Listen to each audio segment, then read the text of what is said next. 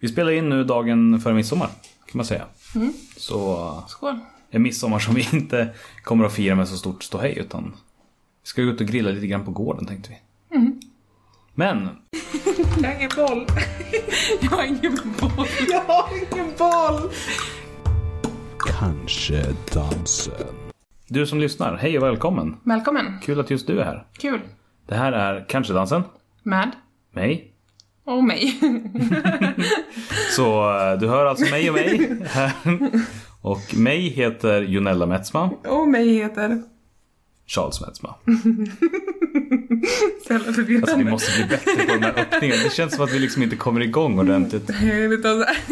Bara när, vi, öppningen. när, när vi väl är inne i det, flyter det hur bra som helst. Men vi skulle behöva någonting så här.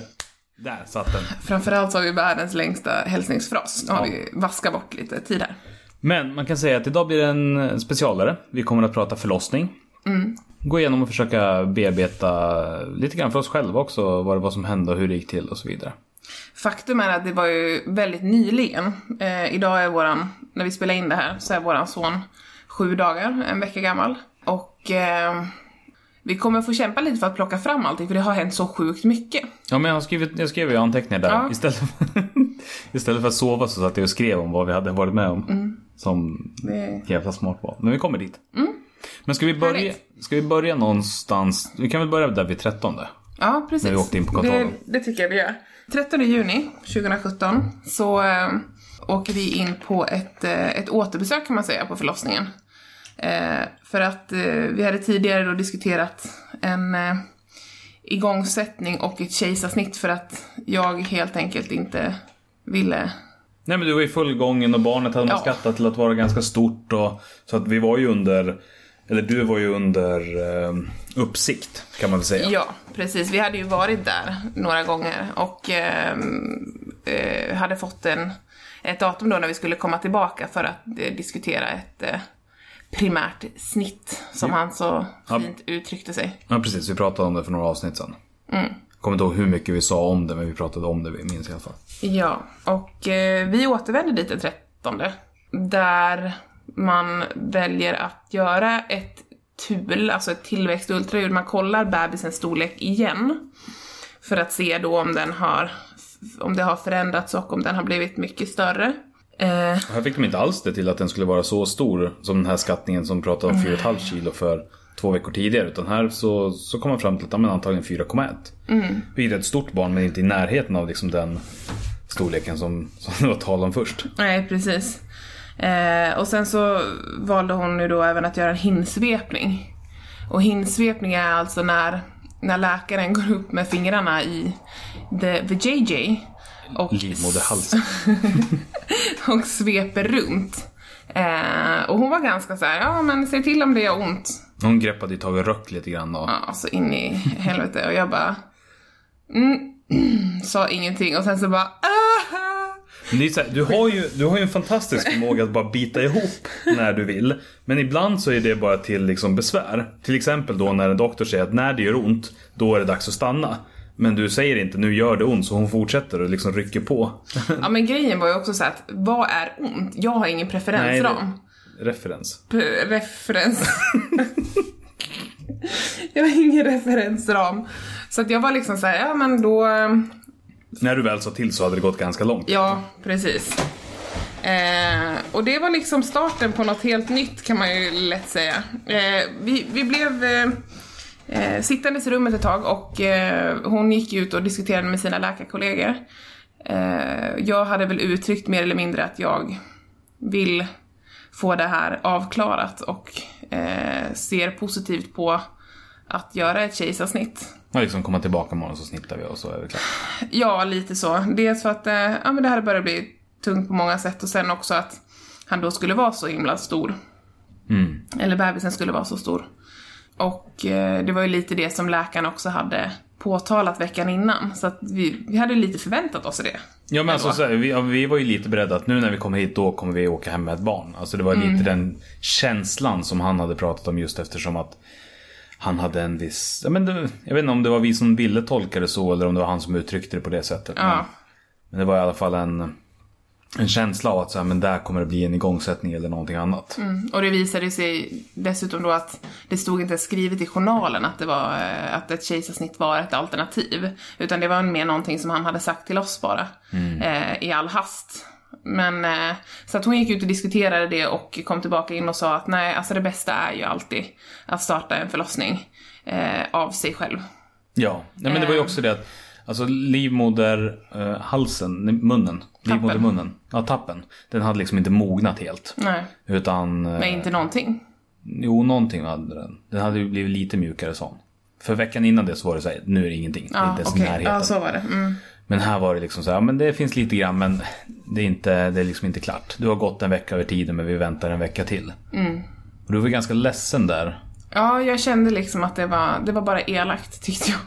Ja, men samtidigt så jag, ty- jag tyckte hon var så fantastisk när hon liksom förklarade det. Så här, jo men jag vet att det här känns tungt och jobbigt men enda anledningen, det finns ingen medicinskt skäl alls till att vare sig snitta barnet eller till att eh, Sätta igång. sätta igång dig. För du är inte klar. Enda anledningen till att jag skulle göra något sånt skulle vara för att jag tycker synd om dig. Och då gör jag ju fel som läkare. Och jag tyckte att det var så hon var så bra men- på att uttrycka det liksom för att komma fram till att säga okej shit. Det här är skittufft och drygt men, men det är ju det bästa. Ja men verkligen, det var... eh, Hon var jättegullig. Så att vi eh, eh, packade ihop våra grejer och åkte hem. Mm. Helt enkelt. BB-väskan som hade legat i bilen en vecka nu, den fick ligga kvar. Ja, precis. Bara skit i de jävla knäckebröderna och smälte i solen, ligg kvar där. Ja, nej så att... Eh, Det här var på eftermiddagen någon gång. Ja, det var det. Så vi åker hem. Det är bara det att jag har hela tiden eh, en så här molande känsla i magen. Och det är klart, hon hade ju varit ganska hårdhänt. Eh, och eh, Mensvärksliknande. ja, men precis, mensvärksliknande känsla. Och det kunde man ju läsa om på eh, 1177 att det inte var något helt eh, ovanligt att man får det utav hinsvepning och sådär. Men Nej. det behöver inte alls vara ett tecken på att förlossningen är på väg igång. Nej, vi, kommer väl in på det mer sen också, men också just att det här, det här med en hinsvepning är lite kontroversiellt huruvida det är en bra grej att göra Mm. eller inte på förstföderskor. Därför att för vissa så kommer det liksom att sätta igång allting och för andra så kommer det bara resultera i ett värkarbete som inte leder någonstans. Ja, precis.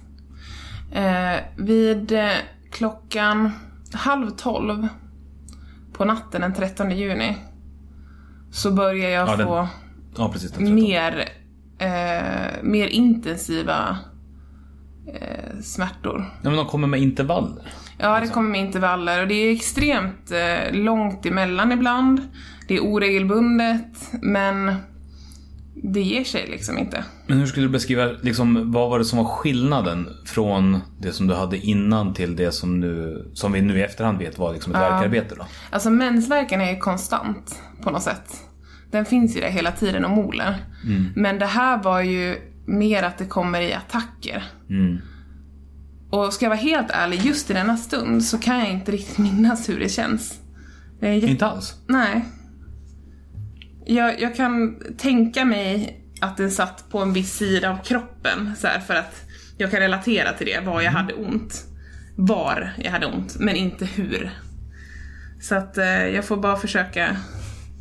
Men du märkte att det var skillnad och den största skillnaden var väl just då att det kom liksom i stötar mer än, än någonting konstant. Precis.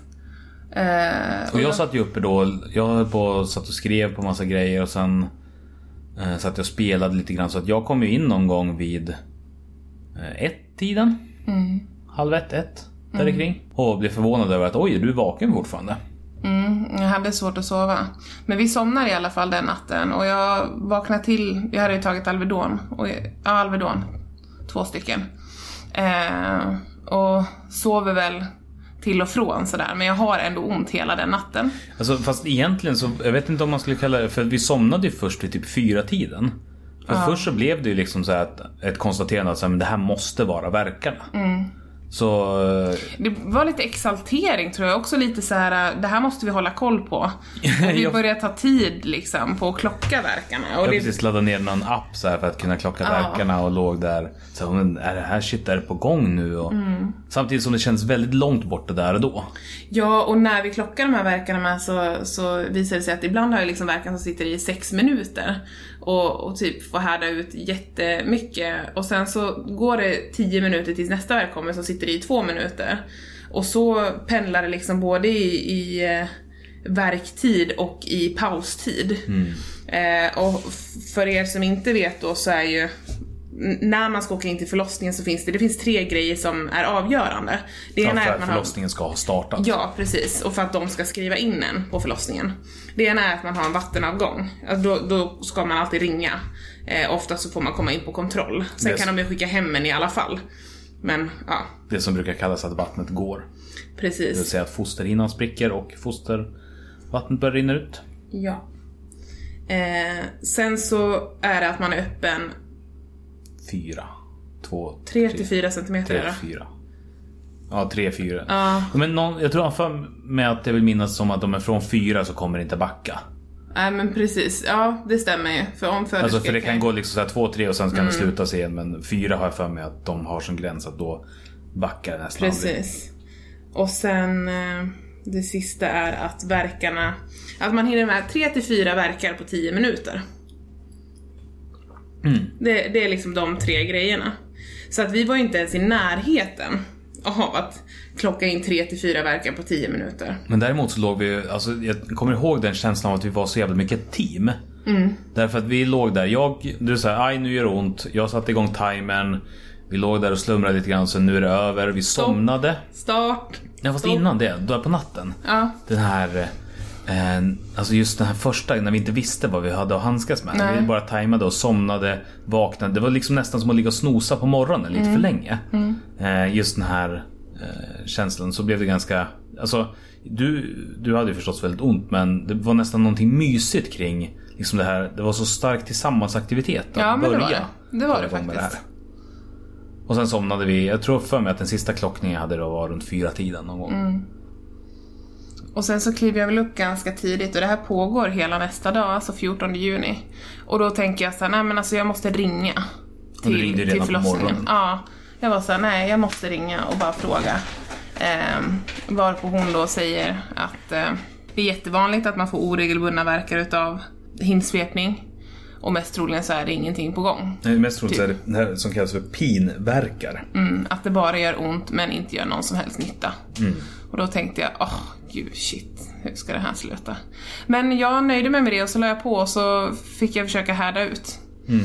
Eh, och det gör jag också i 25 timmar totalt hemma. Ja men precis, för nu kommer ju den tiden som du kom in på nyss där med start, stopp. För att jag, jag satt ju och jobbade under dagen. Jag satt hemma förvisso. Men du Ja. låg ute i soffan och nu kommer det verk och så satt jag där inne och tajmade. Mm. Och, Ja, alltså jag, jag var ju hemma hela den dagen och låg och kolla på någonting på TVn. Och eh, nej, så vi fick teama lite där. Men det var ju fortfarande extremt oregelbundet. Eh, när vi ska gå och lägga oss på natten mot den 15 juni så kommer det en sån verk som jag bara känner att det här är inte sant. vi, vi har ju hela tiden under dagen gått utifrån den här smärtskalan. Vart någonstans mellan 0 och 10 gör det här ont. Mm. Och de flesta låg ju runt en sexa. När vi liksom stämde av. Men här kom det en 8 och den höll i sig i var det 9 minuter och Nio 16 minuter. sekunder. Ja. Och jag bara tänkte så här att det här går inte. Om det här bara är pinverkar eller om det här bara är förverkar, då, då kan inte jag göra det här. Det kommer inte funka. Eh, så att jag ringer till förlossningen igen. Eh, för det här, är, det här är på natten mot 15 och klockan är alltså eh, Halv ett. 00.30. Och jag bestämmer mig för att ringa och eh, hon som sitter i ja, receptionen eller som har telefonen säger att eh, dels så ifrågasätter hon varför den här hinsvepningen har gjorts överhuvudtaget. Hon var ganska kritisk. Ja, hon var rätt kritisk och sa liksom att det, det Tyvärr så kostar det oftast mer än vad det smakar på en för, förstföderska. Men eh, hon tycker ändå synd om mig och, och säger att mm, kom in i så får du antingen någonting lite starkare att sova på eh, eller så får vi se då. Typ. Mm.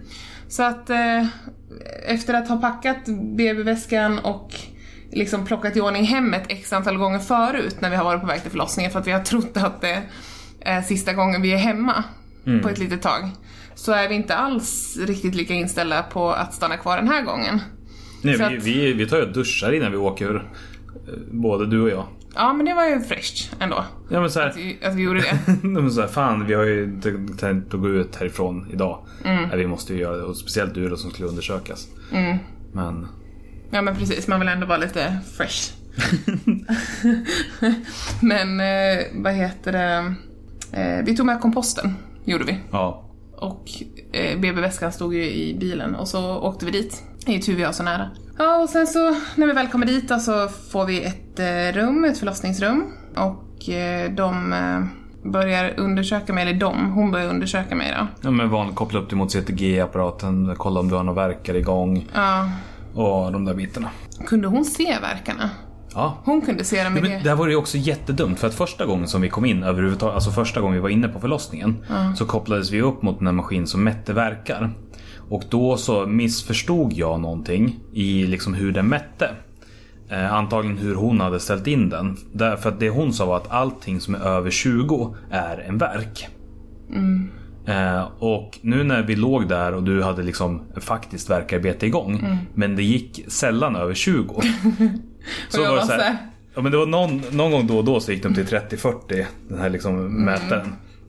Men jag hade sagt så här, nej men det är, du vet att det är upp till 80, det är då det, det, är, då det är på riktigt. Ja, Och- eller det kan ju ligga runt 100 också liksom. Men jag var så här, "Här, nej men det här, nej men den här finns ju inte. Absolut inte. Det jag känner finns inte på riktigt. Så att där, den missinformationen den ledde ju snarare till att det blev ju liksom en enorm frustration. Hur kan apparaten inte se min smärta? Ja, men lite så. Ja, så hon, hon gör en vaginal undersökning i alla fall och det visar sig att jag är öppen 4 centimeter. Eh, och då är det så här, men... Och att livmodertappen var helt mogen. Ja, att livmodertappen var helt mogen. Så hon bara, men vi skriver in dig. Och du och jag blir helt så att superexalterade och bara, men shit, alltså det är nu det händer. Gud vad skönt, jag kommer inte återvända hem med den här kroppen. Men framförallt så skulle, skulle jag nog säga att det var för dig som det hände jättestor skillnad. För att de här liksom 25 timmarna som du hade gått hade börjat bryta ner dig lite grann. Alltså Ja. just att det var så ah, fan jag orkar inte Pante, varför ger det här inte? Det leder ingenstans. Och sen plötsligt när du fick det beskedet så här, det är på gång, det händer, det här har inte varit förgäves. Jag laddade om med all kraft. Jag bara kände så här, nu, nu peppar vi igång, nu kör vi. Det finns ju lite fotoserie när du ställer dig liksom börjar dansa och spela luftgitarr och... och sen ganska snabbt ångrar dig också eftersom att du har ont. Ja, ganska rolig bildserie. ja faktiskt. Men, men jag tyckte också att det var fint för att där så när det blev på riktigt så blev också Då började vi behandla det mer på riktigt. För innan så hade vi liksom haft en Ja men jag vet inte lite mer slentrianmässig liksom behandling utav liksom verkarna. För att nu så fort det var så okej men shit, okej det här är på riktigt, det här är verkar. Och då började du, du började ställa dig upp och ta dem. Och jag liksom ställde mig i någon slags omfamning och masserade ryggen och vi blev, vi liksom tog det så mycket mer på allvar kändes det som. Ja men verkligen. Nej, för då var det ju på, på riktigt. Det här som var hemma, det var ju bara pinverkar så att... Det, Och det var ju bara en av graviditetens djävulskaper. ja precis. Där ska man ju inte behöva någon hjälp eller stöd eller support, men det gjorde ju svinont. Jo men alltså med, talat. med facit i hand så hade ju så hade ju jag eh, lätt behövt vara lite mer närvarande under den första biten. Men det var ju för att jag inte fattade. Nej, men vem gjorde det? Och så när man inte vet hur det ska kännas. Nej. Nästa gång så kommer jag förmodligen ha liksom lite mera förståelse för vad som är vad. Men samtidigt så var det ganska skönt att jag hade liksom möjligheten att jobba hemma. För det betydde att när det kom de här sju eller åttorna. Då kunde jag liksom springa ut och sitta och klappa på det lite grann. Ja. Och då visa sig men du är inte ensam. Men det, det blev så mycket mer på riktigt. Ja, precis. Och så fick vi ett eget förlossningsrum sen. Vi rullades Ja. iväg. Och det var vid två tiden.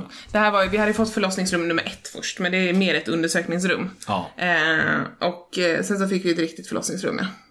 Nio. Förlossningsrum nummer nio. Lägg siffran på minnet. Ja, vi, kommer, är vi kommer alltså- återkomma till förlossningsrum nummer nio. Ja, precis. Och jag tänkte direkt när jag såg siffran, jag bara 9, 9 oktober är jag född. Jag bara skitbra siffra. Mm. Här kommer hända grejer, här kommer mitt barn bli fött. Taggade igång som rackarns. Det är tvättmaskin där va? Ja. Då springer jag och fixar. Eller jag, vad är det som ligger i? Det är, den ska bara torktumlas. ja, det tror jag. Kommer snart. Jag har ingen Ja, men vi fick i alla fall eh, förlossningsrum nummer nio och det var vi nu, nu går jag liksom och tittar lite grann i mina anteckningar här då. Eh, och det var vid två tiden så fick vi komma in på vårt eget rum. Efter att ha varit då på eh, förlossningen i 50 minuter. Ja. Den här, den här liksom undersökningen. Precis. Och, men, och också den här känslan av så här, det första när hon sa att men det är du öppen. Det här kommer att bli. Det var ju lite grann också så här, men nu ska jag springa och hämta väskan. För det blev så superviktigt, för det var någonting som jag kunde göra, som jag hade ansvar över. Ja. Och så så här, nej just det, det är inte så jävla bråttom.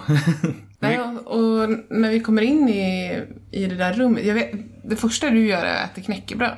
Nej, utan det första då... Först så kommer jag behöva hämta väskan innan jag kan äta knäckebröd. Ja, just det. Nej men, men de börjar ju liksom lägga förberedelser och så här, men du skulle få en epidural så att eh, det börjar vi förbereda för och liksom ordna upp och du fick liksom byta om och... Det här är ju mitt i natten men så att det är ju, vi möter ju ett team som snart ska gå av sitt pass.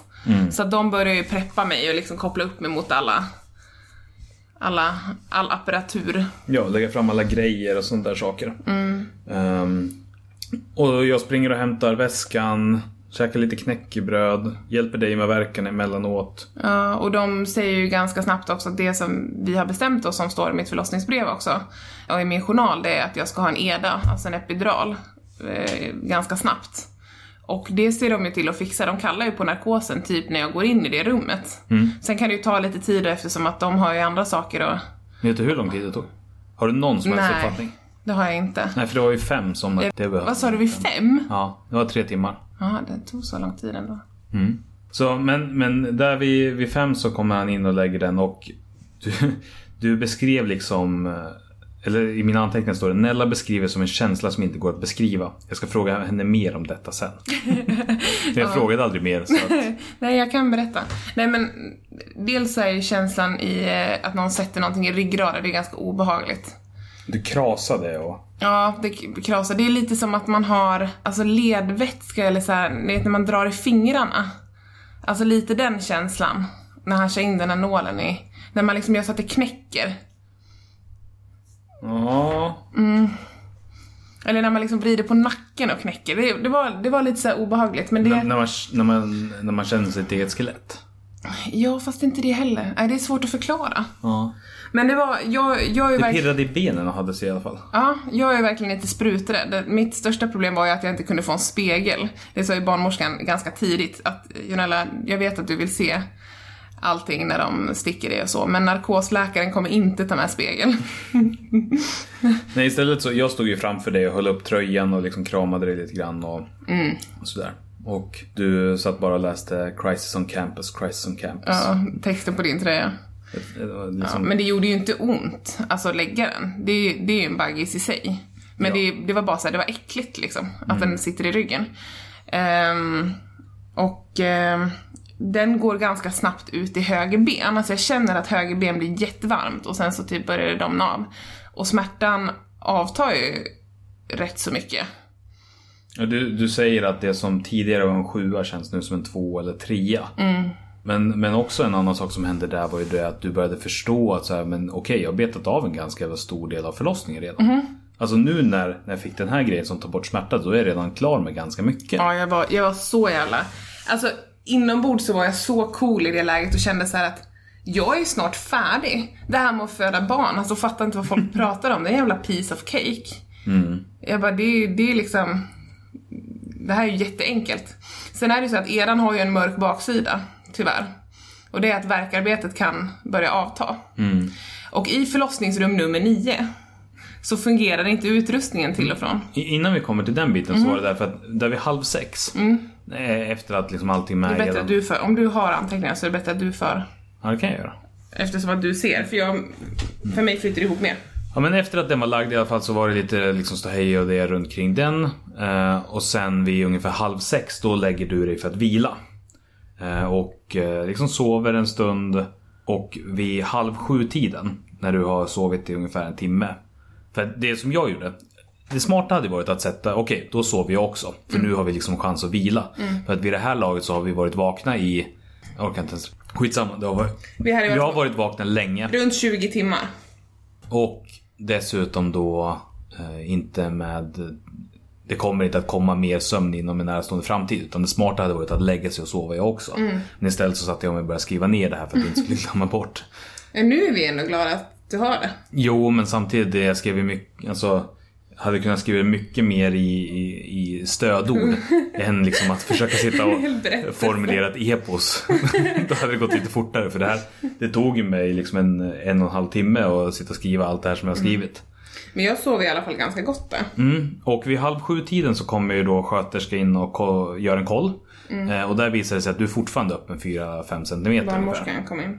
Nej det var inte sköterskan som gjorde undersökningen. Nej, för de får inte göra det. det är fel av mig. Jag måste ha skrivit fel bara. Men så där så tar de ju då beslut att börja med verkstimulerande dropp just eftersom att du då på de här eh, fem och en halv timmarna inte hade liksom kommit igång mer av dig själv. Nej, jag hade inte öppnats mer. Nej. Eh, Du hade ju fortsatta verkar.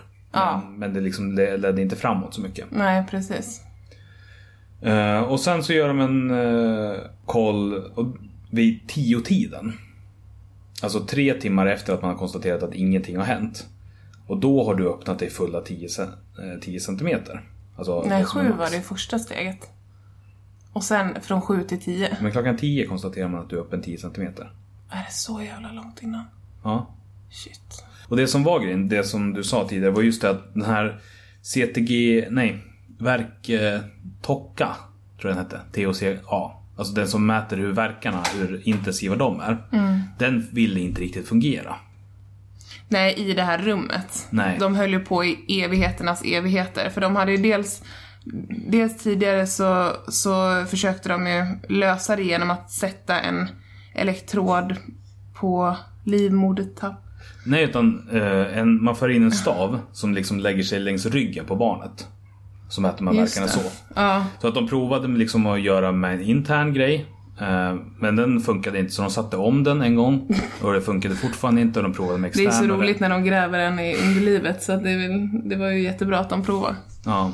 Nej men det var, alltså de, de fick det inte att funka av någon Nej, anledning. och du var ju såhär, ska, men kan vi byta rum typ? Men det, de hade väl inte fler rum lediga. Alltså det, det var inget alternativ. Utan, eh, och de sa ju flera gånger att det uttryckligen att det var ett problem för att de vet inte exakt hur mina toppar såg ut. Nej precis, så problemet är att man, man kan ju inte köra på för hårt med det verkstimulerande droppet för då så liksom men sliter man sönder. Inte sliter sönder men man sliter ut och gör det för jobbigt.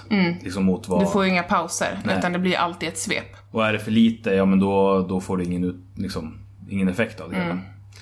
Jag tycker de börjar ganska försiktigt och är såhär, ja men kom igen. Is this all you got? Och så bara, Mm. Allt eftersom att edan inte heller riktigt fungerade längre på ena sidan. Ja, det är ju vänstersidan som får, får ta all smärta.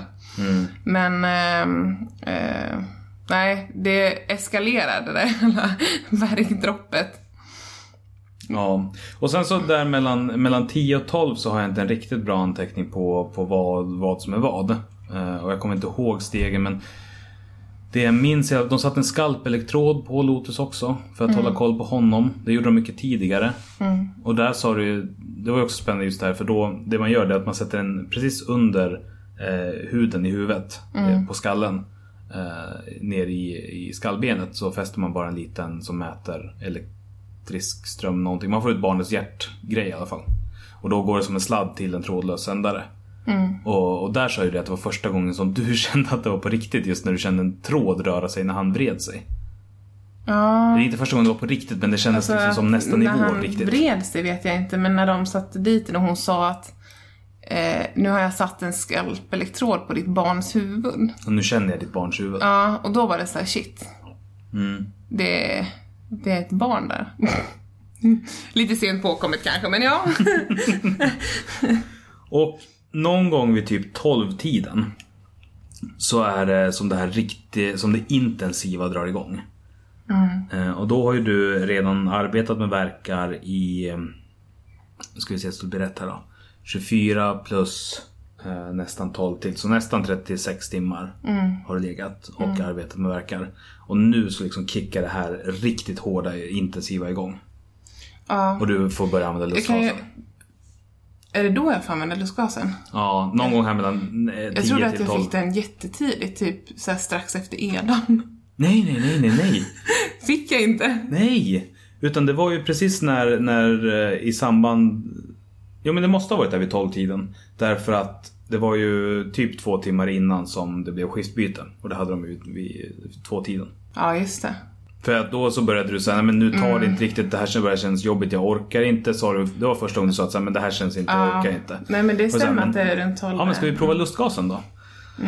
Och då började du köra med den och sen, men det jag tror att det är, alltså att det är någon gång typ vid 10 eh, som, som det här liksom börjar eskalera. Men vid 12 där så vet jag att det var då som nu börjar det bli jobbigt på riktigt. Och den där lustgasen, jag började ju dra in typ två andetag så bara det funkar inte den här hela skiten. och hon bara, ja men du måste ge det lite tid. Mm. Och det kan vara de första verkarna kanske du inte märker någonting och sådär. Nej, och jag bara, ja ja men jag får väl prova att använda den ändå då, fast den är jävla bluff där. Men vad tyckte du om lustgasen? Eh, jag tycker att det är den sämsta jävla skit som, som någonsin används. Du tycker att den är överreklamerad? Ja men alltså så här, jag, den har säkert tagit bort jättemycket som jag inte, som jag bara inte vet om. Alltså så, jag tror att den har hjälpt mig mer än vad jag vet. Men just i det ögonblicket så kände jag så här, det är den sämsta jävla skit jag någonsin använt. För det hjälper fan inte ett jävla dugg. Och så tänkte jag, för, och det var också någonting som jag hade ändå förväntat mig att lustgasen skulle lösa det mesta utav mina problem. Eftersom att de flesta använder lustgas. Eh, så jag hade hypat upp den och tänkt att den, det här kommer bli... Nu, nu löser det sig. Men det är ju svårt att veta också hur pass... För att du, du började ju komma in i det här läget där det var... Det går ju att mäta hur intensiva verkarna var med hjälp av lustgasen. För att själva lustgasen ska man använda på det sättet att man andas in i masken. Eh, Så fort man känner att verken är på gång, att den börjar, då börjar man andas i masken. Och sen när man känner att den är över, då slutar du andas i masken. Eh, Men innan du bara tar bort den och är som vanligt så ska du ta fyra andetag och blåsa ut dem i masken. För att det inte ska bli så mycket i rummet för personalen. Precis. Och där, alltså från, egentligen från 12 till halv fem så ligger du där de allra flesta verkarna är på ett sånt sätt att du inte hinner eh, mer än andas ut i masken innan du ska börja andas in igen. Mm. Och så kommer jag ihåg hon sa, hon bara, nu andades du bara ut tre gånger i masken. Nej, det var fyra, sa jag. Nej, jag sa det. Mm, jag sa det också. Du sa ja det var det. Fyra. Men jag var så jävla noga för jag, jag räknade. Ja. Jag var så sjukt noga. Jag är en sån här människa som försöker behandla andra med respekt. Så att, även om jag har skitont så bara, ja ah, men nej jag ska andas ut mina fyra gånger i masken. Ja, du, var jätte, du var faktiskt väldigt duktig på det. Enda gången som det sket sig det var där efter nästa personalbyte när eh, det kom in en narkosläkare för att ge dig påfyllning i liksom, ryggmärgsbedövning fast manuell påfyllning. Eh, och de försökte prata med dig. Och du fortsatte liksom andas ut i masken och han liksom aldrig kommunicera för du bara andades. Och du fick liksom direktiven att andas inte i masken nu så försöker vi prata. Och sen när de hade kommunicerat färdigt då hade du liksom tappat den rutinen. Men den kom du, Rytmen liksom. Ja. Mm. men du kom snart igång med det igen. Ja. Nej, och under hela den här tiden så är jag, jag måste säga att jag faktiskt är väldigt kontrollerad. Ja men det är du. Alltså hela, hela förlossningen i sig, ända fram till, till eh, det klockslaget där vi nu befinner oss beskrivet. Eh, så, så har jag kontrollerat det så sjukt bra med lugn. Ja precis och det är någonstans precis egentligen vid eh, halv två, 20 över ett där som det börjar bli där du börjar känna att nu börjar det här liksom bli en gräns. För att vara liksom för jobbigt. Jag, vi ringde liksom in personalen ganska ofta så ah, men nu känns det som att det liksom kommer någonting, det är tryck mot ändtarmen eller nu känns det som att nu vill du krysta. Alltså, jag hade väldigt mycket känsla av att nu är det ett barn som är på väg ut. Men jag kände också på personalen att de sa ah, det är inte riktigt än. Nej, precis. Och jag kände också att det, det var ett barn som var på väg ut för att jag kunde inte. Och de sa till mig att vill du krysta så får du göra det. Eh, bara så du vet så kommer det inte komma ut något barn än på ett tag. Men, men känns det rätt att göra det så gör det. För att det hjälper ändå till någonstans. Alltså så, för att han låg så himla högt upp i förlossningskanalen. Men hon undersköterskan från, från morgonpasset. Hon var så otroligt snäll. Hon kom ju in de sista Ja, var det 30-40 minuterna av sitt pass och liksom var kvar i rummet hela tiden och pratade med dig och hjälpte till och liksom bara var där. Och det kändes som att just i den stunden så behövde du verkligen det. Därför att det fanns liksom en gräns för, för hur mycket jag kunde säga eller göra eftersom att jag har inte så mycket, vad ska man säga, auktoritet på området. Om jag säger att jag tycker att du är duktig, då betyder det ingenting för jag har inte sett någon annan föda. Men när hon säger det, liksom att så här, du är, det är inte någonting som jag säger till alla, men du är på riktigt skitduktig. Eh, vilket de också sa sen efteråt, så att det var liksom inte bara smör där under tiden. nej, och jag måste säga att alltså vårat bemötande från, eh, eller bemötandet från personalen var så extremt bra. Alltså de var så fantastiska. Varenda, vi bytte ju personal tre gånger under min förlossning. Och, eh, och var ju dessutom då i kontakt med narkosläkare och så också. Två olika narkosläkare. Ja, egentligen tre olika. Ja, nej men alltså otroligt fint bemötande från personalen. Så att det kände jag, det hjälpte mig jättemycket. Jag kände mig så extremt trygg. Även om jag var så utsatt så var jag så extremt trygg. Eh, och när de här verkarna, krystverkarna kom så krystade jag. Alltså, och det är ju verkligen som folk säger att det är en sån kraft som man bara inte... Mm, det går inte att rå på den. Och vid ett par av tillfällen så hade jag handen på ditt mage. Och liksom just känn, det var det var otroligt mycket kraft att bara känna det från utsidan hur mycket du spände och tryckte och bände liksom dina muskler. Ja, det var, det var så sjukt. Och hela liksom livmodern. Och sen den- minns jag att jag sa Nej, jag kissar på mig. När det kom en sån här krystverk och hon bara Ja, du bryr dig inte om det, typ. ja, jag mådde ju väldigt illa också. Mm, det gjorde du. Och jag, just det här med lustgas, jag minns liksom att jag, att jag tar den och att verken bara loopas, att det börjar om på nytt och att jag inte får en paus. Och jag vill inte ta lustgasen okontrollerat för att jag vet att jag spyr av det för att jag mår så himla illa. Men jag kan inte sluta använda den för att Det är för ont. Ja, det gör så ont. Jättekonstigt eftersom jag inte tyckte den gjorde någon skillnad. Jo, men samtidigt, Men det, är det har ju tröstande effekt av att liksom ha någonting. Ja, men alltså, att ha någonting att göra istället för att bara säga okej nu gör det ont. Jag ska bara vänta tills Ja, det slutar. faktiskt. Så fick du en uppgift liksom. Det var jättebra. Men, men du, du spydde ju en del även innan, innan du började med lustgasen. Jag Gjorde du mådde jätteilla. Men det kom igång mycket, mycket mer under, under lustgasperioden. Ja. Och du hade ju heller inte vid det här laget liksom fått i dig någonting utan de provade att ge lite Piggelin och lite eh, vatten vi drack saftsoppa men, men allting kom ju tillbaka liksom ganska snart. Ja, just det, de gav mig glass och grejer. Ja, jag satt och matade dig. Med sked. Gav dig Piggelin. Ja, det hade jag glömt. Hade alltså, du? ja, jag hade ja, totalt glömt bort det. Ja. Att det stämmer, men det spydde jag upp. Så det var, det var inte värt att försöka få i sig någonting, för det bara gick ju i retur. ja, fast det var lite läskande under tiden när du fick det. Vissa, Ja, av, jo, vi- vissa av liksom verkarna som känns väldigt jobbiga så, var så sa jag ju det. Så, ja, men när du är igenom här då får du liksom en mun Piggelin. Och då kunde man, dina ögon så här, pff, Jaha, det var inte det jag tänkte när du sa det. inte? Nej, jag tänkte jag skiter väl i den där jävla glassen.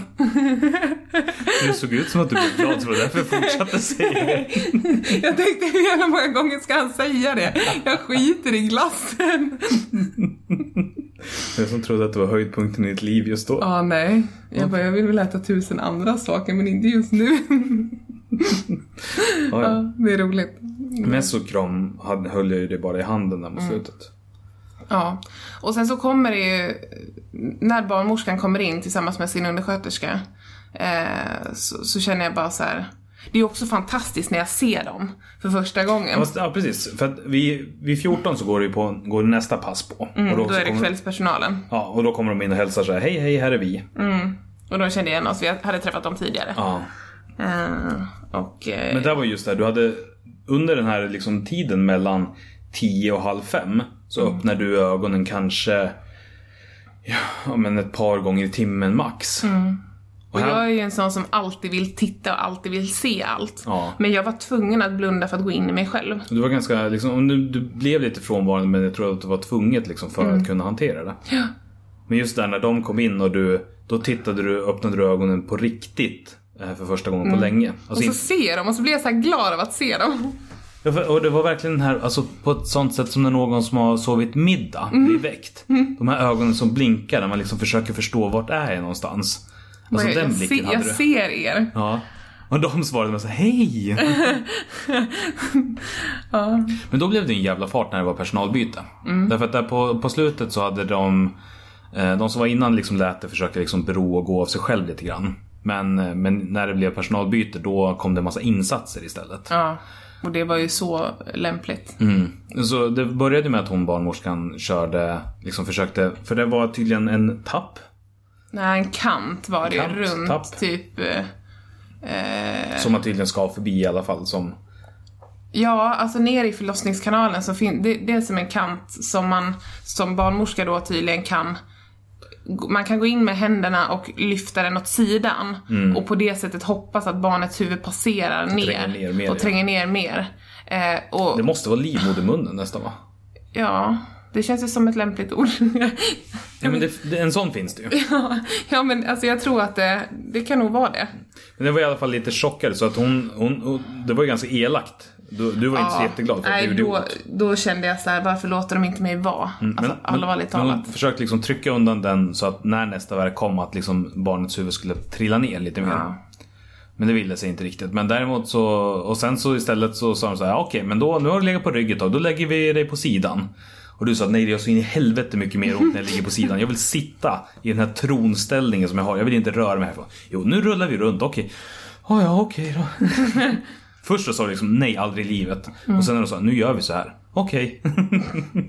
Men det gjorde skitont att ligga på Ja. sidan kommer jag ihåg. Det var, det var inte alls den, den ställningen som var bra för mig. nej. I början så var det absolut bäst för dig att stå. Ja, precis. Men sämst var alltid att ligga på sidan. Ja, det var, och jag vet inte om det hade med edan att göra eftersom att den, den kändes på ena sidan och inte på den andra. Ja, fast det var ju redan innan Edan. Det var ju, det, alltså, vi pratade, det var likadant hemma, det var likadant när du låg på undersökningen. Ja, det kanske det var. Alltså sidan var sämst för dig hela tiden. Ja, den trillade ner då. Verkligen. Ja, jag vet inte, men, men de kändes liksom värre när du låg ner. Ja. Så det var därför större delen av eh, när liksom det rikt, riktiga förlossningen drog igång. Alltså den här låg intensiva- på rygg. När du satt. Satt jag. Alltså den här sängen var ju som eh, en liten del som Det går från rumpa till huvud. Ja, och sen så en insats eh, för benen som gick att lyfta bort om man skulle göra en gynundersökning och liknande. Mm. Men den här insatsen den sänktes ner mot golvet och ryggen höjdes upp. Så att du satt ju som i en stol. Gjorde jag? Ja, fast det, alltså du satt ju inte i en stol. Nej. Men du hade en sittande ställning. Det, det minns jag inte heller. Jag trodde jag låg ner. För det var ju liksom majoriteten av tiden var på det sättet. Vi kanske skulle pratat igenom det här innan. Men fast samtidigt så tycker jag att det här är ganska fint, eller inte fint, eh, men det är en del av det som är fascinerande det här med att eh, alltså kroppen tränger undan minnena av vad som har varit och vad som är för att, för att överhuvudtaget, jag antar att det måste vara för att kunna hantera det trauma som det måste vara. Ja, nej men alltså vi, ja det är ju faktiskt, du har ju rätt i det, det är faktiskt roligt att vi, att vi inte har pratat igenom det. Mm. Ja, Fast vi har pratat om lite grann, men inte detaljerna på det här sättet. Nej, precis. Vi har pratat om känslorna kring det, men inte liksom händelseförloppet. Ja. Men, men i alla fall det som, eh, som händer då, de håller på och grejer runt och lyfter runt dig och så här, nej men det verkar inte liksom vilja, de här typiska grejerna verkar inte vilja fungera. Eh, Alltså som man kan göra för att eh, hjälpa dig på traven. Det känns som att de stannar, jag får känslan av att de så stannar upp lite och inte hjälper mig. Ja fast det kommer senare. Eh, Så kommer vi komma till det när du kände, för du, du sa det att så här, varför är det ingen som hjälper mig? Och det är för jävligt när man ligger och, och föder barn och ingen är, finns där. Eh, jävla dåligt. men efter att de liksom hade försökt på lite olika sätt så, så kom de fram till att så här, men du, du är långt bort. Mm. Ja, här vid, vid två tiden så är det så här, det är inte ens närheten av att det ska bli barnfött här. Men hade Och de du- koll på verkarna då? Funkade det hade, den? Ja, det hade de. Då hade de koll på dem? Ja. Ja, men, men just det att barnet var liksom inte på väg ner. Eh, så att de konstaterade att ja, men det är jättelångt kvar och du har för ont och du är för liksom trött. Livmodern var ju, den, den kunde inte arbeta lika bra längre för att den hade hållit igång så sjukt länge. Ja, fast den bedömde de inte som, utan där var det snarare du som liksom hade för Var det? mycket smärta. Ja. Men det var ju det hon sa. Jo, sen mot slutet ja. Alltså då när... Jaha, jag trodde när vi var i slutet. Ja, nej, utan nu är vi fortfarande vid tvåtiden. Jaha, okej. Mm. Eh, så där så, vad heter det, beslutas det ju att du ska få eh, en, en här, den här manuella dosen i din, där där epiduralen ligger. Mm. Där ska man liksom spruta i en eh, manuell dos Det här är total borta för mig. med tung markain. Det här gam, det, för, förr i tiden så använde man bara tung markain som eh, bedövning. Men man gick ifrån den därför att den liksom slår bort fötterna lite grann. Det här som våran barnmorska Det- på MVC pratade om. Ja, jag kommer ihåg att du säger det till mig. Mm. Att, de, att, att det är det de ska använda sig av. För här börjar du säga då de här grejerna. Alltså, varför är det ingen som hjälper mig? Det gör för ont. Varför är det ingen som hjälper mig? Och det skär så otroligt mycket i mitt hjärta för att det finns en sån uppgivenhet i din röst. Där du liksom, så här, det finns ingen som gör någonting för att det här ska bli bättre. Nej. Men, men då så har de tagit det här beslutet och jag börjar förklara för dig. Du Kommer du ihåg det här som vår barnmorska pratade om innan? Den här gamla bedövningen som liksom var, den bara slog sönder liksom känslan. Du kunde inte gå upp utan du blev sängligen. Det är sån du ska få nu. Och du liksom var inte riktigt med. Ja, nej, jag minns att du säger det här men jag minns, jag, jag, jag kan inte dra någon som helst eh, Eh, alltså jag, jag kan inte koppla tanken till att det kommer underlätta för mig. Utan jag vet bara att du säger det, men sen minns jag typ ingenting. Men du får den i alla fall. Så du kopplas bort från den pumpen som du har haft tidigare. Eh, Den som har pumpat lite kontinuerligt. Och, men den var för övrigt bra. Alltså för, jo men så här, för den låter likadant oavsett om, eh, om man får en dos eller om man har maxat sin dos. Så ibland när du tryckte på den så kunde jag se att så här, det kommer inte att komma någonting. Här kommer inte hända ett skit. Men jag hoppas att det kommer en liten placeboeffekt. Av det hela. Jag kommer inte gå på det nästa gång. Ska tror- säga, ni, kan inte, ni kan inte lura mig. Och så kan man kasta ner den här jävla påsen. Du hade inte riktigt den sinnesnärvaron i den stunden. Jag tror inte du kommer ha det sen heller. Mm, ska säga det, mig lurar ni inte denna gång. Ni har, ni har lurat mig Men, men precis däremot så ljög jag aldrig när jag sa att nu har din timer gått ut. Vill du trycka på knappen för att liksom fylla på? Ja, det, det minns inte jag att du sa. Inte? Nej. För en gång i halvtimmen så kunde du trycka på den. Ja, det var ju snällt att du sa till om det, för det, Mm. det hade jag inte koll på. Jag trodde inte ens att jag hade tryckt alla gångerna som jag kunde trycka. Nej, det hade du inte gjort. Jag hade inte det? Nej. Men det var så här, ibland så Så var... jävla hardcore. Nej men ibland så var du liksom ganska lugn. eh, Just när det gick ut så att jag tänkte inte ens på det. Utan det var så okej nu har du ont. Ja, timern har gått ut. För jag satt ju liksom inte och höll så här. Ja, där har en halvtimme gått. Ja. Nej, och jag kände att när jag kunde härda ut, alltså det är väl klart att det finns ju en, en gräns, om man nu har satt en EDA liksom, då kan man ju lika gärna dra nytta av den. Men jag kände lite så här att jag sparar den, för att om det är någonting som jag har svårt att hantera, då, då trycker jag på den. Och du tycker ju om att ha en, en extra lösning Ja. som du inte vill använda. Precis. Lite som du var med, med kejsarsnittet också. Då innan det här, inför det första besöket. Att så här, ja, men om, om jag känner att förlossningen blir för jobbig eller jag klarar inte av att liksom förbereda mig inför den. Då finns alltid snittet. Och då behöver du inte snittet för du vet att det finns. Alltså, Ja, På något precis. sätt. Mm. Nej men verkligen. Men efter att du får den här dosen med eh, tungmarkain. Då, eh, och det är någonting som ska ge ungefär två timmars eh, liksom, eh, smärtlindring. Har jag fått, eller sa de efteråt. Det hjälpte dig i ungefär 40 minuter. 40 minuter. Så det som hände var var ju det, 40 jävla minuter som jag inte minns ett skit av. Nej, vet du varför? Nej. För du somnade. Gjorde jag? Ja, alltså så här, jag drog fram fåtöljen bredvid sängen, den som fanns där i rummet. Och sen så satt jag och höll i handen. Och sen så var vi tillbaka på samma sätt som vi var på natten hemma i sängen när värkarna började. Det vill säga att vi vaknade så fort du hade ont. Och vi tog oss igen, eller jag hjälpte dig att ta dig igenom värken. Och sen så när den var över så somnade vi om. Du minns inte det heller? För jag kommer ihåg att det var så otroligt jobbigt just det här att försöka hålla mig vaken. Men, men just då så behövde jag inte det för du liksom slumrade till lite grann och var... Vill du pausa? Jag blev bara rörd. Jag visste inte ens om det här. Du gjorde dem ju någonting i alla fall. Ja, det gjorde de. De försökte hjälpa dig men det var svårt. Ja. Ja, vad sa du? Ja. Det skulle ge dig två timmars vila. Var vad de sa i efterhand, men det gav dig 40.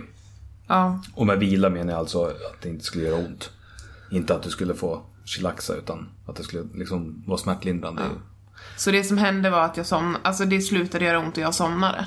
Ja, fast jag vet inte, Eller- man kan liksom inte klassa det som somna heller. Nej, okej. Utan snarare så skulle jag vilja säga att det som hände med oss båda just då var det att vi eh, var så pass utmattade Mm. att vi inte kunde hålla oss vakna. Okej. Inte att vi somnade. Nej. Men varje gång det kom en verk så liksom var, var Du vaknade ju då av att det faktiskt gjorde ont. Mm. Men jag vaknade liksom till av att säga okej nu ska jag stödja. Men upplevde jag att det blev bättre av den här? Ja, ja, ja. Ja. Alltså för du gick ju från att ha väldigt intensiva och inga pauser. Till att liksom det fanns mer pauser, du kunde andas ner, du gick ner i andning. Och du var mycket mer, du var ju liksom lugn och kontrollerad hela förlossningen igenom. Ja. Men här så fanns det liksom den här andningen mellan eh, verkarna också. Ja. Som du aldrig riktigt hann få annars. Nej. När det väl hade dragit igång. De, eh, då kommer det in en till narkosläkare som, där de börjar diskutera så här, men hur ska vi ge dig smärtlindring? Därför att du, alltså barnet är fortfarande långt borta. Och eh, Var det därför de kom in första gången? det var en, en narkosläkare som kom in. Han som... För att diskutera hur de skulle hjälpa mig? Ja, precis. Och de var där ganska länge och liksom pratade om, ja men eh, kan, ska vi sätta en ny, alltså ska vi sätta en spinalbedövning? Ja. Som slår bort känslan helt och hållet? Eller ska vi liksom, eh, ska vi sätta en ny EDA om den här verkar som att ni inte tar? Och de liksom tog beslutet att säga, nej men vi gör inte om den. För att här har vi en som fungerar lite grann. Eller den fungerar inte helt som den ska göra. Men om vi sätter om den så kan det sluta med att vi har en som inte fungerar alls. Eftersom att du var i så pass mycket smärta att man inte var... Det kommer jag däremot ihåg. Det kommer du ihåg? Ja. Att du var i så pass mycket smärta att man var osäker på om man skulle liksom kunna klara av att sätta en ny. Ja, för man måste vara helt still när man sätter in den. Mm. Men det han gjorde var en utbredning. Eh, hette det. Och där man kollade liksom hur pass mycket har, har bedövningen tagit. Så han liksom hade en, eh, en spritad tuss. Alltså med, inte läkarsprit för de hade använt någonting annat. Men liksom, det kommer jag också ihåg att han sa till dig, du bara läkarsprit. Jag bara, nej, det är inte läkarsprit. det här är någonting. Så här, åh, fan. Jag försökte styla lite. Han Då- sa läkarsprit kan man dricka, eller han sa något såhär. Ja, det var jättekonstigt. Det kommer jag ihåg. Men det var, det var första epiduralen. När han la den. Nej, men han liksom drog med en tuss och du fick säga när du kände att det var kallt. För att se vart bedövningen hade tagit och inte. Eh, och då kommer du fram till att ja, men så här, den har ändå viss effekt. Alltså så kör vi vidare på den här. Och så fick du då en dos med Sufenta. Som också är någon typ av, jag, liksom, han aldrig uppfattat vad det var. Liksom, men du hade tre olika typer av bedövningar i ryggen. De bara proppar mig full med grejer. Jo men de försökte hjälpa dig. Ja. Det är som du sa, varför kan ingen hjälpa mig? Men jag minns ju inte att de försökte med alla de här sakerna. Nej. Men det var vid, ja, som sagt, vid 14.30 så fick du den här dosen med tung markain och sen så kommer de in och försöker hålla på men det liksom finns ingenting som ger dig smärtlindring. Så att vid, eh, vid 16.30 ungefär, då så ger du upp. Eh, och säger att... Det här- minns jag. Det minns du? Mm, jag hissade flaggan och bara, det går inte med. Jag kan inte göra det här med. Nej. Nej, du sa ju att eh, jag klarar inte mer, jag, eh, ni, ni får ta ut barnet. Alltså inte, mer. inte en enda gång under hela förlossningen sa jag liksom så här stopp eller det här är vad jag minns det som. Liksom att, att jag ville avbryta det eller att jag ville gå därifrån eller liksom. Jag, jag tyckte ändå att jag hanterade det ganska bra. Jag sitter bara och tänker om, om det var så. Men ja, men så var det nog. Att Men- Jag använde aldrig de orden. Nej, jag använde inte de orden för jag kände att det gör jävligt ont men jag tänker göra det här. Men istället så sa du ju saker som Vem fan hinner ha panikångest när det gör så här jävla ont hela tiden? Ja men det är ju ändå, det är rimligt tycker jag. Faktiskt. Ja, nej men. Vad säger du där Lusseplutt? Ja. Jag tror det är någon som börjar bli hungriga. ja, jag tror också det. Ja, vi kör på tills han vaknar. Ja. Ehm, och... ehm, Nej men aldrig någonsin så ser, säger du så här, jag ska aldrig ha barn igen eller det här var sista gången. nej men sånt som Så man här hör klass- att folk säger. De här klassiska liksom. Ja, nej utan eh, eh, det, det, tänk, det tänkte jag inte ens. Alltså så, jag, jag tyckte ändå att jag klarade det ganska bra. Men just, jag, vill- jag Ja, känner att oavsett hur ont du hade så var du aldrig liksom eh, Så gav du aldrig upp utan du Och du behöll ditt lugn Mm. Det var vid något till, ja men precis där när du började liksom så här, Varför hjälper ingen mig? Då började du närma dig någon form av hysteri Mm. Därför Därför att, ja, men det hade, då hade du liksom kört på i eh, Fyra timmar men varav liksom två väldigt intensiva timmar Mm. Ja men just när det bara loopades när jag inte fick paus. Och det som var det värsta av allt tycker jag, det var när jag fick den här pausen att jag kunde titta på dig, jag kunde titta på de som var i rummet. Så här, jag fick typ en och en halv minut på mig. Då kom det liksom tillbaka en verk som var dubbelt utav en vanlig verk bara för att jag fick en paus. Ja. Alltså att jag blev straffad för att jag fick liksom vila och det kändes, nej då, Ja och pauserna det var ju i princip bara du hann liksom dricka lite vatten eller du hann spy lite grann eller eh, Och ibland så hann du inte spy under pausen utan du fick ta en verk samtidigt som du spydde Jag kunde inte välja, minns jag, om jag skulle ta lustgasen eller spy. Nej, utan det valde åt dig. Ja. Så att... eh, Och du men, fortsatte ju liksom spy även fast du inte hade någonting att spy. Utan, Ja, ja, ja. Reflexen gick ändå. Det var lite som krystverkar. Det, bara, det bara hände, man kan inte stoppa det. Men du sa i alla fall att eh, där vid halv fem att jag ger upp. Mm, det går inte, jag kan inte göra det med. Och jag kallade in barnmorskorna och de eh, Där gick det ändå ganska snabbt där de liksom konfererade och kom fram och sa okej men då eh, Vi kallar på liksom ett operationsteam och försöker ringer en narkosläkare och gör såna här saker. Och det pratade vi med dem efteråt också. För att jag var så här, det här gick lite fort. Ni liksom var inte ens i närheten av att säga Jo men kom igen, försök lite till eller såna här saker. Hade ni liksom pratat om det innan att om det här händer, att hon säger att jag fixar inte mer, då kör vi. Typ. Och det sa de att så hade det varit. Mm, de hade ju redan diskuterat med narkosen liksom. Ja, men, nej, men jag tror inte de har diskuterat med narkos, men sinsemellan. Att så här, okej, om, ja. om hon ger upp, då så kör vi snitt. Eh, Så vid 16.30 så ger det upp. Mm, och så säger de att det är en halvtimme. De förväntas vara här om en halvtimme. Nej, utan... Eller? Nej, utan det som hände... Var jag där? ja, du var där. Men du var också i den mest liksom intensiva smärtan du någonsin har haft och eh, liksom mest sömndepraverade du någonsin har varit och allting. Ehm, så att nej men de säger så här, men vi ska kalla på så här och så här och det kommer att eh, Det kan dröja lite grann och det beror lite på liksom vad som är vad. Och sen till slut så kommer in två läkare och säger hej, det är vi som ska operera. Eh,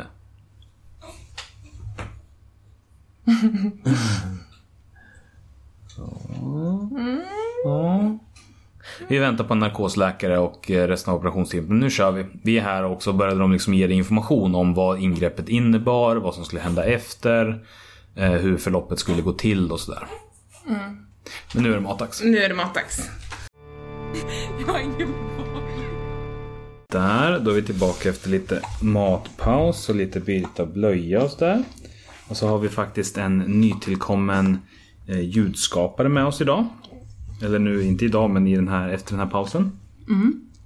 Och Det är en liten, en liten, liten hickande, en hi- hickande liten bebis. Den ligger helst bara på och hickar och är så söt. Men det vi sa var att eh, det kom in två doktorer i alla fall och sa det att "Ja, men, nu kör vi. Det, det blir kejsarsnitt. Och de började ge information. De började berätta för liksom, hur var händelseförloppet, vad skulle liksom, gå till och vad skulle Minns hända. ingenting av. Du minns ingenting av det här? Mm, jag minns att hon säger att mm, 30 minuter. Ja, för det var, det var efter det, som det som det hände. Det, det är det jag minns. Men du kommer inte ihåg att de här två, att de två kirurgerna kom in och liksom pratade med oss? Jo, jag minns att jag tittade upp på hans namnskylt och tänkte så ja men det stämmer med hans ansikte. Han ser ut att kunna heta typ det där. Så himla orimligt. och liksom, och att han, han tittar på mig och säger vad han heter. Men jag känner att jag kan inte ge det svar, något svar tillbaka typ. Nej, Nej, för de började ju berätta om att så här, ja, men du kommer få en spinalbedövning, du kommer inte känna någonting i benen. Eh, alltså ingen smärta, du kommer känna beröring men ingen smärta. När ingreppet är klart så kommer barnet att liksom tas till ett rum bredvid för måttning och avtorkning. Och sen så kommer du att få träffa ditt barn om allting har gått bra till. Och sen så kommer du rullas iväg på ett uppvak och sen så träffar, träffar du liksom din familj igen om två, tre timmar efter det att ingreppet Det minns jag däremot. Det minns du? Två, tre timmar, ja. Precis. Men resten utav informationen, det... Nej, för jag kommer ihåg att du var lite, lite borta där. Eller ja, du var ganska borta. För just eftersom att du var så otroligt utmattad. För att jag liksom började upprepa informationen. Så här, du, är du med på nu att det kommer, vi kommer inte träffas på tre timmar, du kommer vara själv. Jag tror, att, jag tror att det var det, jag minns dig säga det där, inte Ja. att de säger det. Nej, för, för jag upprepade det flera gånger för att du inte skulle få, när du väl liksom kom ut ur töcknet, att du så här, men vart är min familj, vart är mitt barn, var är min man? Precis. Så jag liksom, just eftersom att jag lyssnar ganska mycket på den, eh, en, en podd som heter Förlossningspodden. Där de pratar väldigt mycket om just det här och de eh, grejerna som har varit traumatiska med ett snitt har just varit det här uppvaknandet och separationen. Särskilt i de fallen om någonting har gått snett så att barnet liksom bara sprungits iväg med. Eh, mellan. Men sen så vid tio över, jag ska se så klockslaget blir rätt här. Men tio över fem, alltså 40 minuter efter att du säger jag ger upp. Då så kommer det in en doktor och säger att nu är det narkos på väg och de kommer att komma till halv. Om 20 minuter. Och då, då började de förbereda mig, vet jag. Ja, de hade, det hade de gjort under de här 40 minuterna medan vi väntade innan också. Då, allting var, allting var färdigt. Och jag minns, jag minns att undersköterskan frågade mig, kan du gå över till operationssalen? För den låg snett emot. Just det. Och att jag var såhär, nej, det går inte. Skärp er. Ja. Nej, verkligen inte. Ja, för att jag satt ju i full operationsutstyrsel när hon sa det, vad heter det, om 20 minuter då kör vi. Ja, precis. Det satt Och jag. jag, jag minns att du satte på dig kläderna också.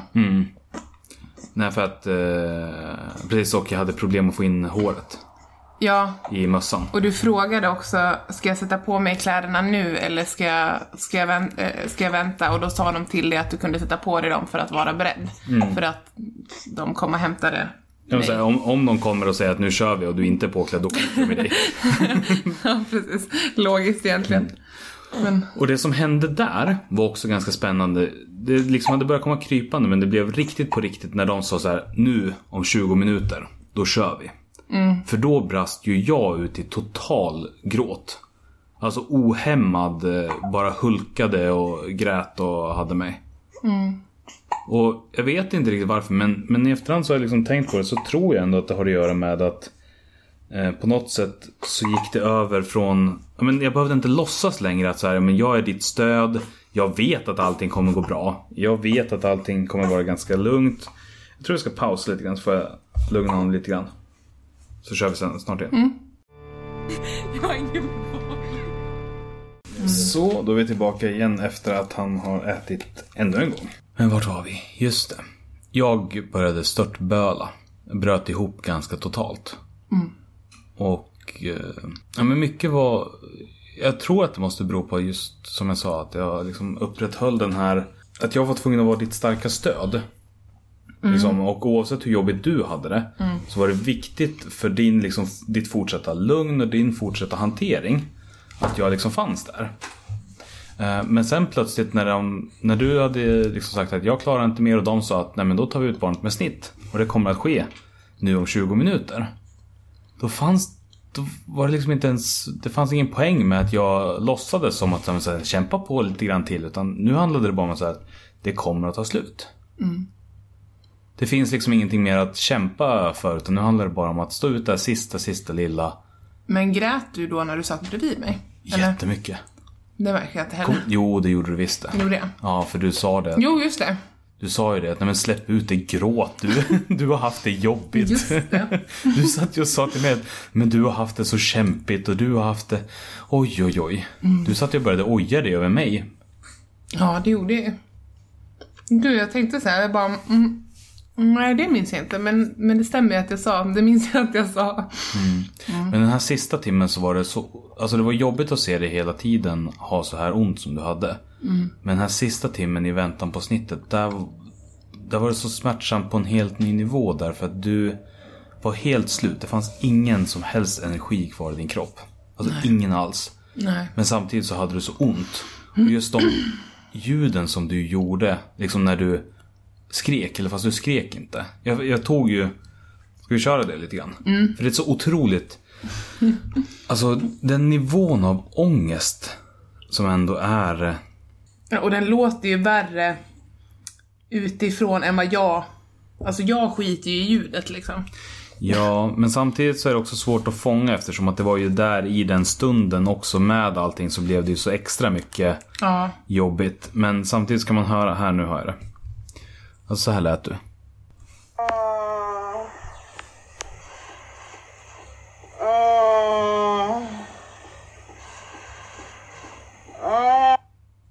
Ja, det låter speciellt.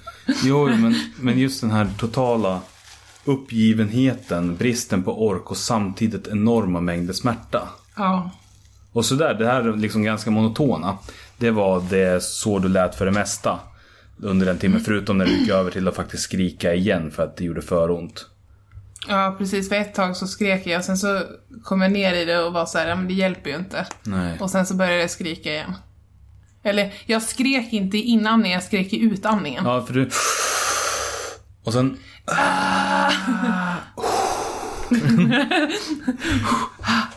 Så det gick liksom alltid tre steg. Först inandningen, sen skrika och sen en snabb utandning. Ja, nej. Men eh, så kom de i alla fall till slut. Och eh, sa det att nu kör vi. Som man säger i Amerika, God bless them. Va? Jättekonstigt.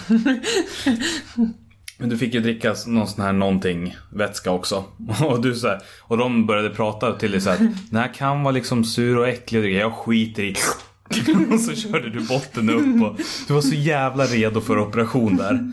Allting som kunde ta dig ett pyttesteg närmare. Det som jag liksom. sa också var ju så här. Ja, fast jag kommer ju kanske spy upp den. De bara, ja men det är därför du får den. Ja, just det. För att den är till för att, jag kommer inte ihåg vad hon sa sen. Jo, men att göra det mindre surt eller någonting Ja, sånt. och jag var såhär, ja. Ja, Serverar ni en snabbs då tar jag väl den. Men du blev inrullad till operationssalen och där så sa de Hej kan du kliva ner och gå upp och sätta dig på operationsbordet? Jag tittar på den här jävla trappan och bara, ni är dumma i huvudet. De hade ställt en liten, liten trappa framför operationsbordet. Mm, fast det var ju lite högre upp, så Ja. jag, hade ju, jag hade ju inte löst det utan trappa heller. Nej, nej, men men det det, var var, så- bara så här. Det var så kul när de först så sa de så här att ja men kan du liksom kliva upp och gå dit och du började så här, vadå gå, vadå, vad ska jag, alltså i fullständig panik nästan. Det är inte kul, det är Nej. jättefel ord att använda. Men eh, det som blir kul det är när de sen säger en andra gång kan du resa dig och gå upp dit? Ja, jo, jo, det kan jag nog. På samma sätt som tidigare, just när det kommer aldrig gå, det här är fel. Okej, visst om ni, om ni trugar. För det var, det, och, alltså i det ögonblicket, det är det som jag minns starkast när jag ska liksom sätta mig på britsen. Och det var verkligen så här, det gjorde så fruktansvärt ont. Och jag bara kände så här, snart så kommer det här få ett slut. Alltså det, det går liksom inte att förklara. Alltså den smärtan som jag kände där de sista 15 minuterna var liksom, det, det var värre än hela jävla förlossningen.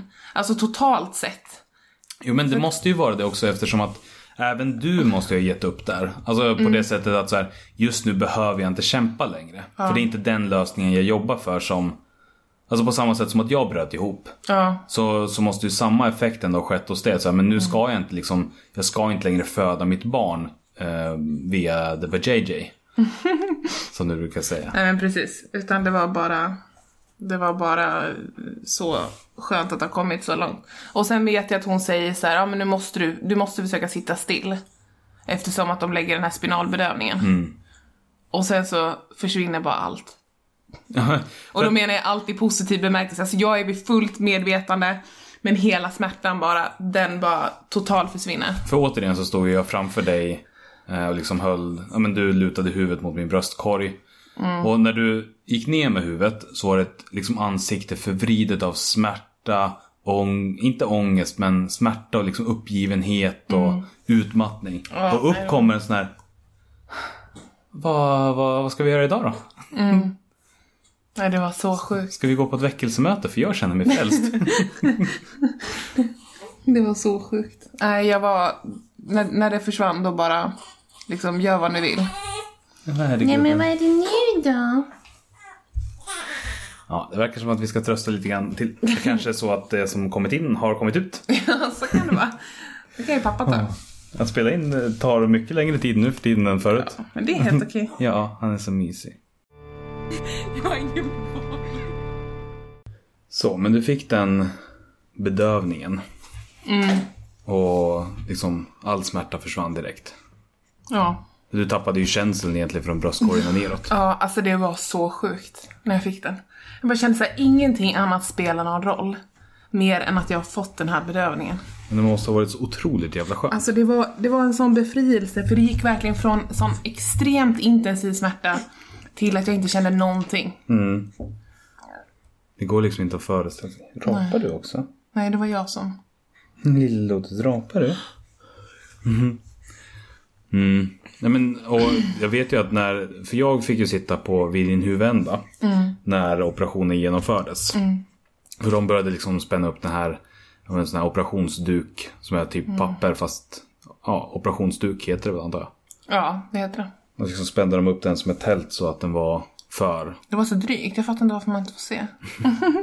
Jag tror nog att det ändå finns en ganska bra poäng att man ska kunna fokusera på, Ja.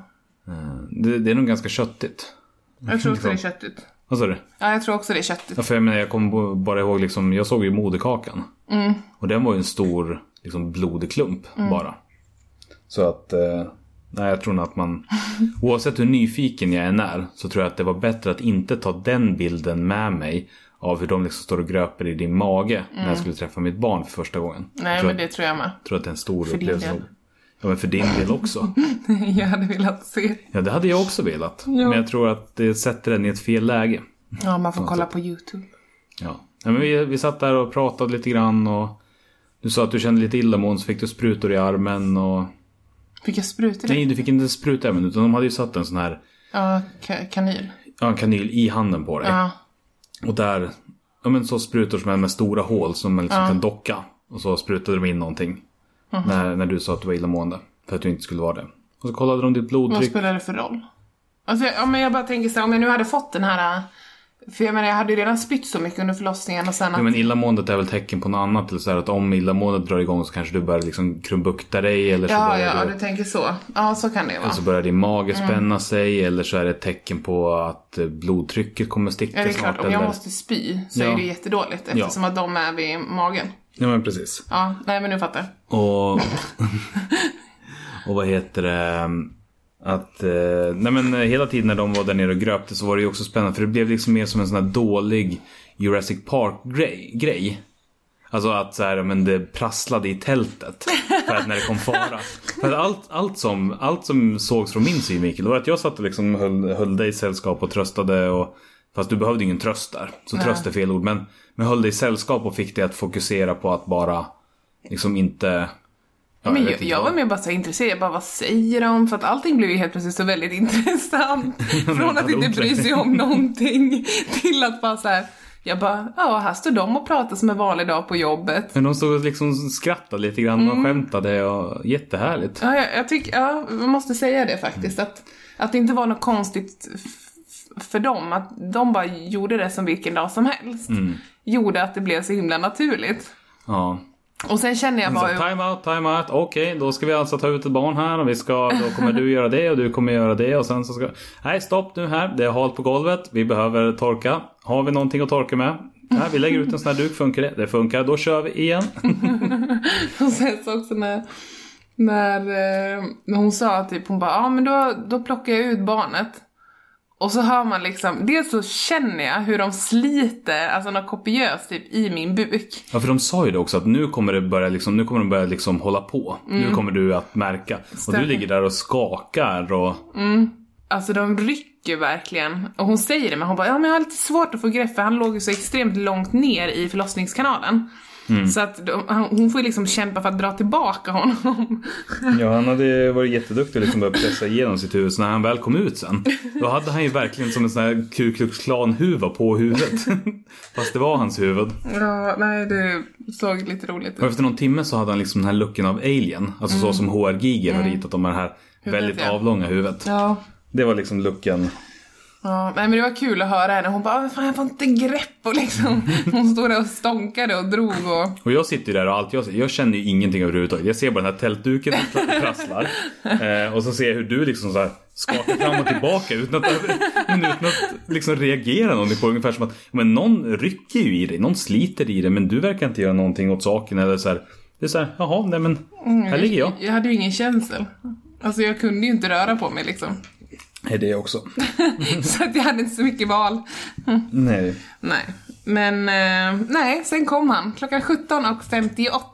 Ja. Plockade de ut honom. Ja! Hejdå! Och då visade de upp honom lite snabbt för det här är ditt barn. Och så här, det var så, åh, så jävla konstigt. Ja, och sen så kommer jag ihåg att hon, liksom, hon visade mig först ansiktet och sen så, så sa hon, vet ni vad det blir? Och sen visade hon upp skrevet. Ja, precis. Och allt jag kunde se var en gigantisk pung. För proportionerligt sett så är ett barns pung, eller ett spädbarns pung, jättestor liksom i förhållande till kroppen och alltså, känslan. Ja, det är ju, nu har vi inte så mycket andra spädbarn att jämföra med så nu kanske vi hängde ut våran sons eh, genitalier. Nej, det tror jag inte. Jag tror bara att det är liksom så det ser ut. Det tror jag med. Och nej, men den alltså, var ju inte särskilt stor heller, men känslan var ju bara att nej men eftersom att hon höll fram så här särade ben bara för att hon skulle visa att det var en pojke så blev Ja. det liksom, jag har bilden också av en pung i ansiktet eller på att säga men en, en eh, nej, nu räckte inte pappas tröst längre. nej.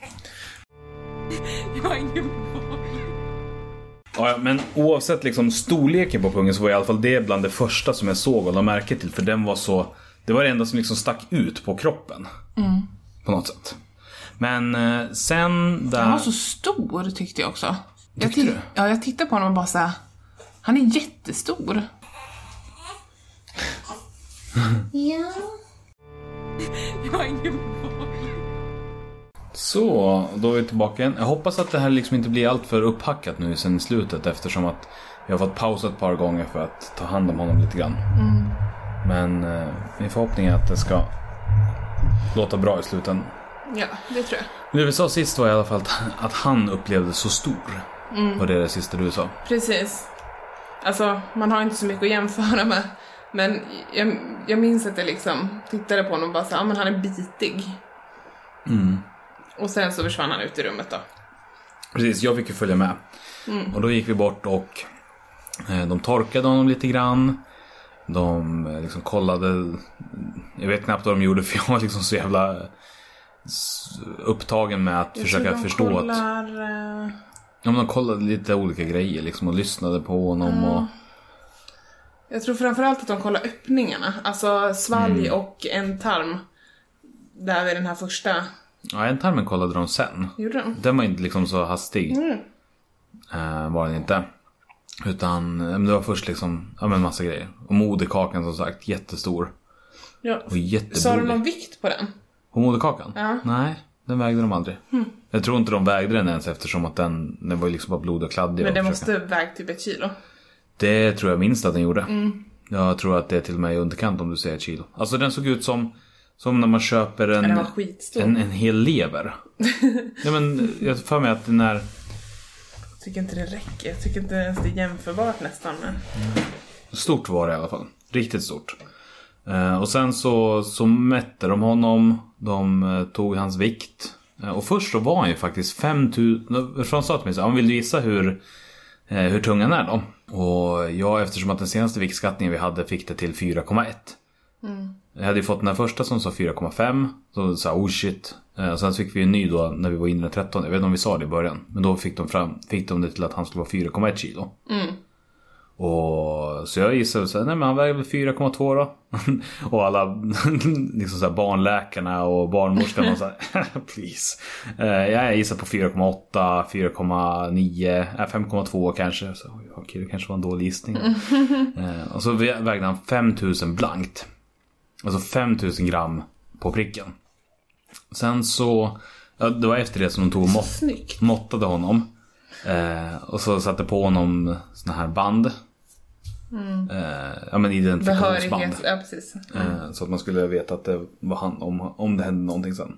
Där han blev hopblandad eller behövde köras iväg eller så. Och då så sa hon, nej men vill du inte fota?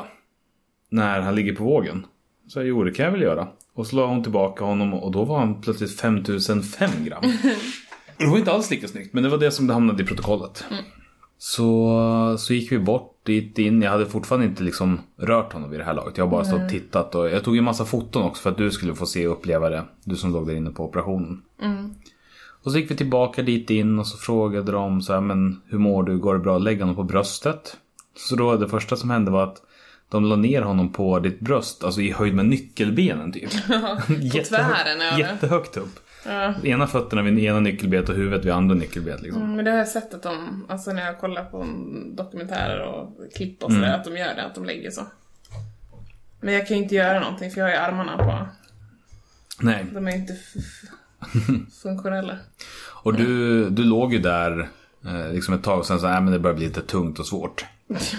så då tog jag honom i famn istället och försökte luta mig in så mycket som möjligt så du skulle kunna titta medan de höll på att häfta ihop dig. Så var vi plötsligt föräldrar. Ja. Och nu sitter han där i din famn. Ja. ja. Och jättelen. Hon bara inlindad i ett sånt där gosigt täcke och mitt mammahjärta bara smälter. Ja, det, är, så... Och det var så konstigt där och... Liksom... Och jag, jag tänkte, alltså det var så himla, när de tog ut honom så bara, jag har fått en son. Ja. Och så så bara, ja, från den här dagen så är jag förälder. Ja, för, för att vi hade ju sagt det till varandra att vi kommer inte...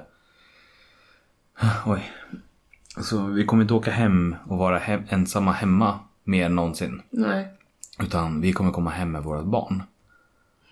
Och, och där och då så började det plötsligt bli liksom mycket mer på riktigt. För då var det liksom en sån sak som man kunde säga. Men här så blev det verkligen så här. Men det här lilla knyttet är vi ansvariga för. Och det, det är vi som är orsaken till honom. Eller man ska säga. Ja. Nej, det är stort. Och det som hände sen då, vi satt där en stund medan de höll på att sydde ihop eller fixa ihop dig. Och sen så skulle de köra över dig på en annan säng och rulla upp dig till uppvaket. Eh, Och jag fick sitta med honom i famnen under tiden. Och du, där är också någonting som, som, in, som jag inte har hört någon annanstans eller förberett mig på på något sätt. Det var ju det alltså den mängden skakningar som du började ha. Det började med att jag mådde jätteilla och började spy Just det. i en sån där påse. Som hon stod och höll, så här, klistrade mot min kind. För jag låg typ med huvudet så här snett och så bara spydde jag ner åt vänster. en så konstig känsla. Och sen så bara började jag skaka och frysa. Något så sjukt. Alltså sådär som någon på film när någon ska ha spasmer och man ska visa att det är, så här, det är allvarligt. Den typen av skakningar hade du ju. Fast utan dimensionen av att det kändes som att det var farligt utan det var mer bara skakningarna. Men det är så kallt. Det är så kallt. Och så var jag så sjukt törstig. För att redan när vi hade fått reda på att jag skulle snittas, då fick jag inte dricka något mer. Nej just det. Inne liksom i förlossningsrummet. Nej du fick bara fukta din mun. Ja, precis. Jag fick spotta ut igen. Ja. Ja, nej, det var... Så jag bara, jag är så törstig. Ja, jag måste få dricka. Och sen så...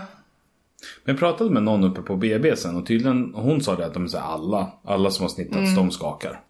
Alltså det, det är för två saker. Dels har ju kroppen varit med om en stor chock eftersom att man har opererat. eh, Men sen är det också så att generellt sett alla akuta snitt, de, de ge- genererar så mycket spänn, anspänningar som puff så är de borta plötsligt. Och det kan ju vara bra att säga också eh, att just det finns ju tre nivåer av kejsarsnitt. För det här har jag faktiskt fått svara på ganska mycket. Eftersom att det råd... Det du gjorde var ett akut kejsarsnitt. Ja. Det finns planerat kejsarsnitt, det finns akut och det finns urakut. Och ett planerat snitt då säger man så men den eh, 15 då kommer ni in och så gör vi ett kejsarsnitt och så bra, bra, bra.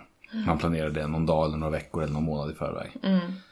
Ett akut snitt, det är alltså egentligen så är ett bättre namn hade varit ett spontant snitt. Alltså att man bestämmer sig under förlossningens gång att nej men nu tar vi ut barnet med snitt. Och urakut det är då att ja, men nu är det fara för liv, nu ska barnet ut. Ja. Och det var det akuta då. I det här fallet. Ja, precis. Så det skakade och sen så rullade de iväg dig och då så blev jag tillbaka insläppt på, på nian där ingenting fungerade. Och fick liksom en sån här känsla av att så här, men vad gör jag nu? Vad- Så jag satt liksom med honom i famnen, han var inlindad i den här filten. Som han hade på sig och sa, ja, ja, nej, jag vill, jag började väl sjunga lite grann då. Så jag satt där och småsjöng.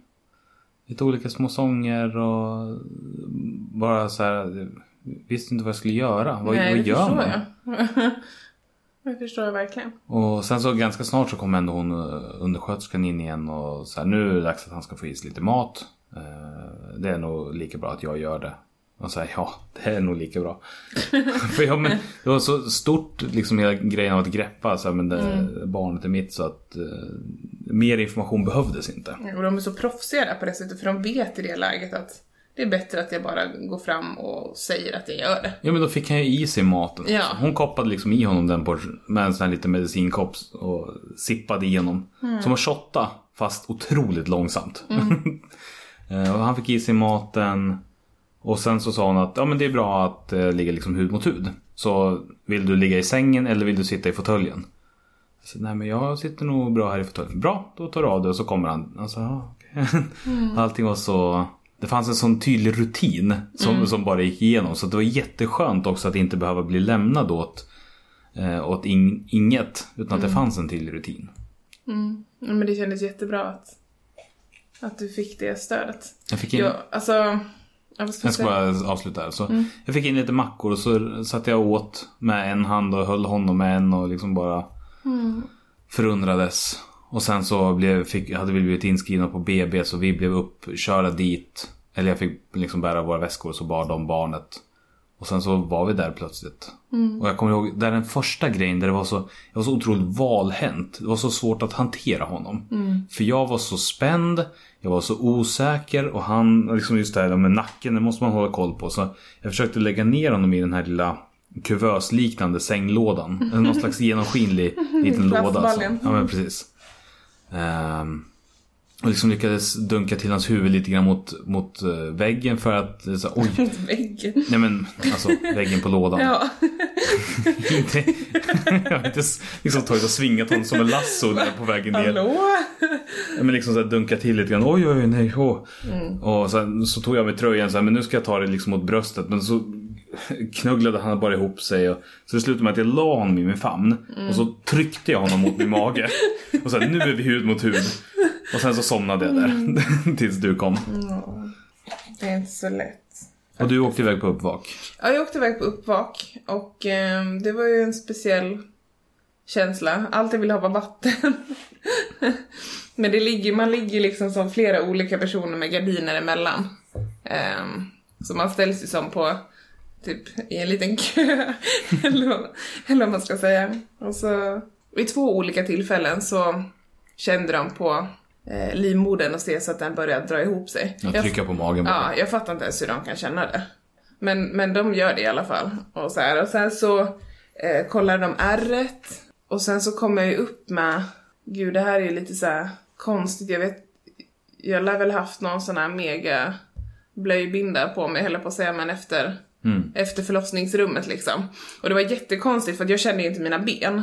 Men de var ju ändå så här, ja men nu ska vi fixa det det. här. Och sen så fick, det, fick jag erfara hur det var att vara antingen sjuk i typ MS eller vara gammal. Eller förlamad. Liksom, eller förlamad. Ja men precis. De liksom vände mig åt olika håll för att tvätta rent mig. Och du bara får följa med. Och jag får följa med, precis. Där de ja, men, lägger dit ny, ja, men, ny binda, nya trosor, tvättar rent såret. Eh, och det är så här. Jag, kan- jag kan inte förstå att det här händer, men jag skiter i det. Det var bara konstigt. Eh, och sen så var jag bara så här, kan jag få ett glas vatten? Så de hämtade väl typ så här fyra, fem omgångar vatten åt mig i pappmugg. Och sen så jag bara, nej men nu mår jag illa. De bara, "Ja, du ska nog inte dricka så mycket mer vatten. Och så låg jag där och skakade och skakade och skakade. Mm. Men det enda jag vet att jag tänkte var så här, försök att sova. Men det gick inte, för jag bara skakade. Mm. Det var bara så här, men det är så kallt. Det är så sjukt kallt. Och så kommer en jättegullig tjej, så här, en sköterska och bara, ja men här kommer ett varmt täcke. Så hade de värmt upp det och la det på. Så bara, mm. Ja, nej men det var, även om uppvaket är lite så här, som sagt, man står lite som i en kö så är det ändå jag kände mig inte lämnad eller ensam där ändå, för de gick förbi hela tiden. Och kollade till och så här. Ja, men det kommer jag ihåg att vi pratade om ganska direkt efter att så här, genom hela den här processen, även om den var intensiv på många sätt och även om det var mycket grejer på alla sätt och vis så fanns det alltid en trygghet i, i allt. Det gjorde det, verkligen. Och det är ju de som utstrålade personalen Ja, ja, liksom. ja. Alltså, så otroligt tacksam till personalen på, på förlossningsavdelningen här i Västerås. Verkligen. De, eh, de gjorde verkligen ett sånt otroligt bra jobb med att eh, ta hand om båda, båda oss. Ja. De Men de liksom, ska ju faktiskt vara en av Sveriges bästa förlossningsavdelningar. Jaha, Det är ju också där En ung i minuten spelades in. jaha. Eh, på, som gick på TV4, för de som inte kände till det. Mm. Att, Det var det programmet du gillade ganska mycket va? Ja, jag tittade, tittade på alla de avsnitten. Nej men sen så, så var det plötsligt då när jag satt där i stolen så vaknade jag till så oj, uff. Och det var ju då för att de kom in och så rullade de in dig i rummet. Därför att du var färdig på uppvaket. Och då hade jag suttit och slumrat med honom lite grann i famnen där. Då minns jag att jag började få tillbaka mina tår. Ja. Eller liksom att jag kunde så här vicka på, på knäna och... Men också, men också just den... Det leendet som du, som du liksom uppvisade när du såg oss. Och det leendet som jag kände att jag hade. Liksom så här. När vi var återförenade i familjen igen. Och skulle liksom inte behöva bli separerade igen. Ja. Det var så otroligt skönt och direkt så liksom reste jag mig upp och la honom i din famn och... Det var så fint. Jag vet inte hur många gånger jag har sagt att det var så fint men det är så mycket i det här som är så fint. Och allt det här som som inte har gått att beskriva tidigare, som fortfarande inte går att beskriva utan som bara bara är helt enormt. Där liksom ingenting annat sen den dagen har känts lika viktigt. Nej. Framförallt så finns det ju inga dagar, det finns bara en enda lång dag. Sen det... Men det kommer vi väl in på lite mer sen i, Ja, något, det eh, i andra avsnitt. Ja. Jag tänker att vi tar någon sån här lång specialer för BB-tiden också. Ja, jag tror Så får vi faktiskt se hur vi hanterar de här specialerna. Om vi släpper dem som vanliga avsnitt eller om vi liksom slänger in dem någonstans Limited emellan. edition. Men oavsett så, ja men. Och det, jag måste säga det igen att jag är så otroligt imponerad av, eh, av hur, hur du hanterade hela den här situationen. För jag vet ju att du är lugn och grym i vanliga fall men, men just det här att du aldrig tappade fattningen trots att du gick igenom något så stort. Det var otroligt häftigt. Ja, jag är, jag är jättestolt över mig själv också. Och sen, Verkligen. jo men det kan vi prata om lite grann också. För att efter någon, dagen efter på BB så, så kom både undersköterskan och barnmorskan upp som, som var de sista. Eh, Där när det var dags för förlossning. Jag började gråta när de kom in. Ja. Det var jättefint av dem. Dels att titta förbi bara men också den pratstunden. Det var då man fick, då fick, äh.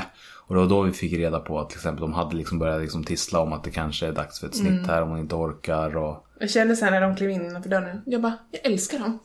Jag älskar dem. De är så fina. Och så kom tårarna. Jag bara, jag börjar gråta för att jag ser er. De bara, "Ja." Och de berättade också just att han hade legat med, det vanligaste är att man ligger med ögonen ner mot, pekandes mot golvet när man ja kommer precis. Om man ligger på rygg så att ögon mot anus. För då får man så liten omkrets som möjligt på huvudet som ska ut. Men han hade legat tvärtom. Så att man får liksom så mycket eh, av huvudet som möjligt som ska ut. Och han hade trängt liksom ut ganska mycket. Men det var ju fortfarande långt kvar. Och de sa ju också det att ja, men de brukar inte liksom tycka om när det går till snitt. Utan det är ju bättre när det inte gör det. Men sen när de fick ut honom och såg att shit, fem kilo. Då var det ganska jävla tur att det blev som det blev. För de sa ju också det att i, när liksom När han väl togs ut med snittet. Då var det fortfarande en till tre timmar kvar ungefär innan man ens kunde börja försöka dra ut honom med sugklocka. Och de sa det att det hade inte blivit bra när han var så stor. Nej, precis. Då hade de fått kämpa. Och jag hade fått kämpa hysteriskt. Ja, och han hade kanske liksom tagit skada av det också just eftersom att han Ja. var så stor. Precis. Nej, det är inte, det var inte alls, det hade inte alls blivit något bra. Så de var jätteglada och jättemysiga och fina. Och det var skönt att ha den.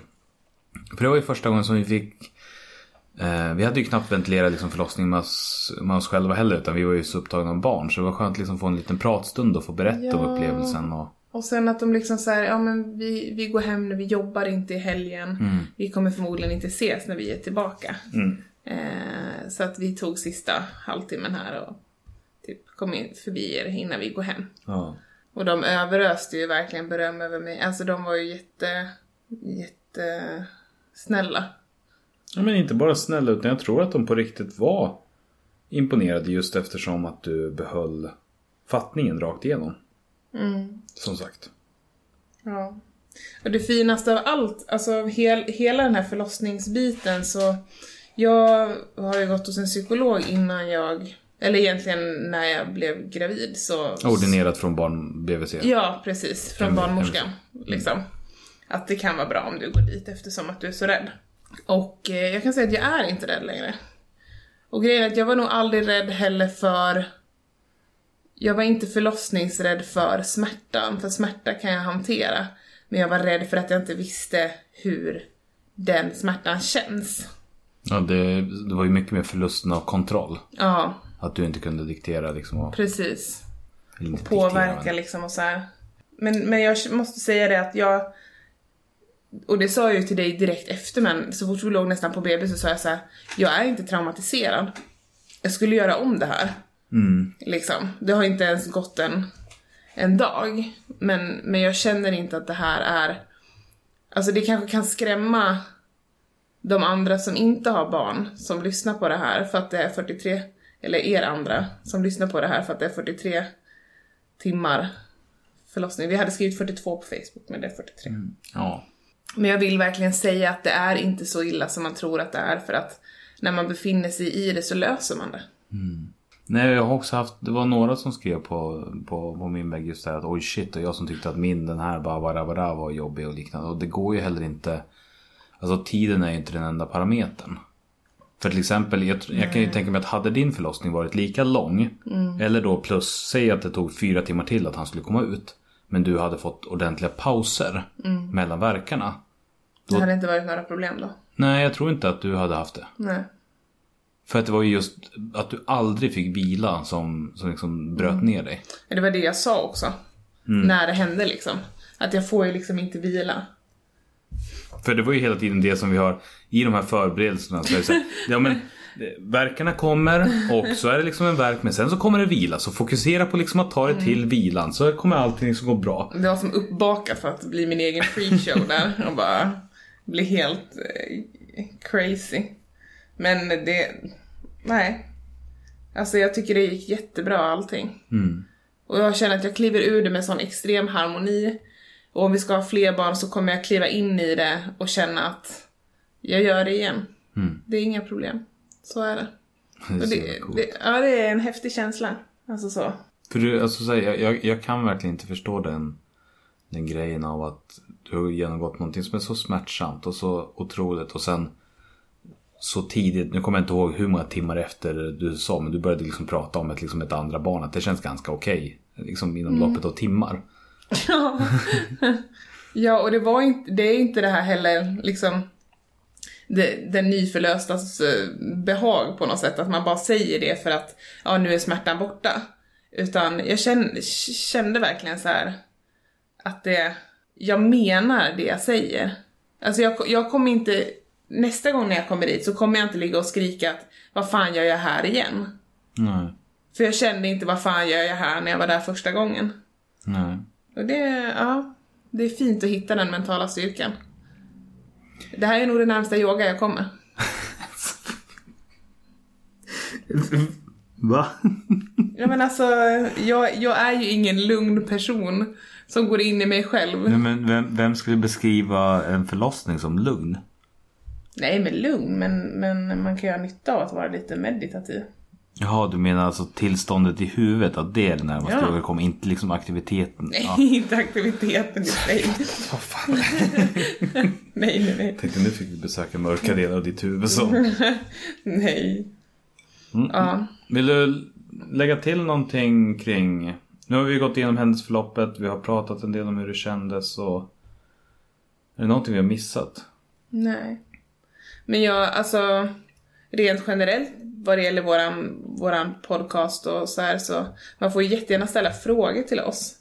Och eh, om det är någon som undrar någonting om förlossningen eller det här med, med barn eller så. Nu är ju vi så nyblivna föräldrar men det är ju bara att man skriver till oss. Antingen om man vill visa det offentligt på vår Facebook-sida, kanske dansen, eller så får man skriva till oss i meddelande. Det går jättebra. Och det går ju också att lägga kommentarer på hemsidan. Det vet jag att det är några som har gjort också. Absolut. Tack till dig som har lyssnat. Tack. Det här har varit, och tack till dig eh, faktiskt också. För att vi, vi har ju liksom småpratat lite grann om det här men vi har inte haft en, ett, ett tillfälle sen vi blev föräldrar på grund av att vi blev föräldrar att faktiskt sitta ner och gå igenom och, och det här.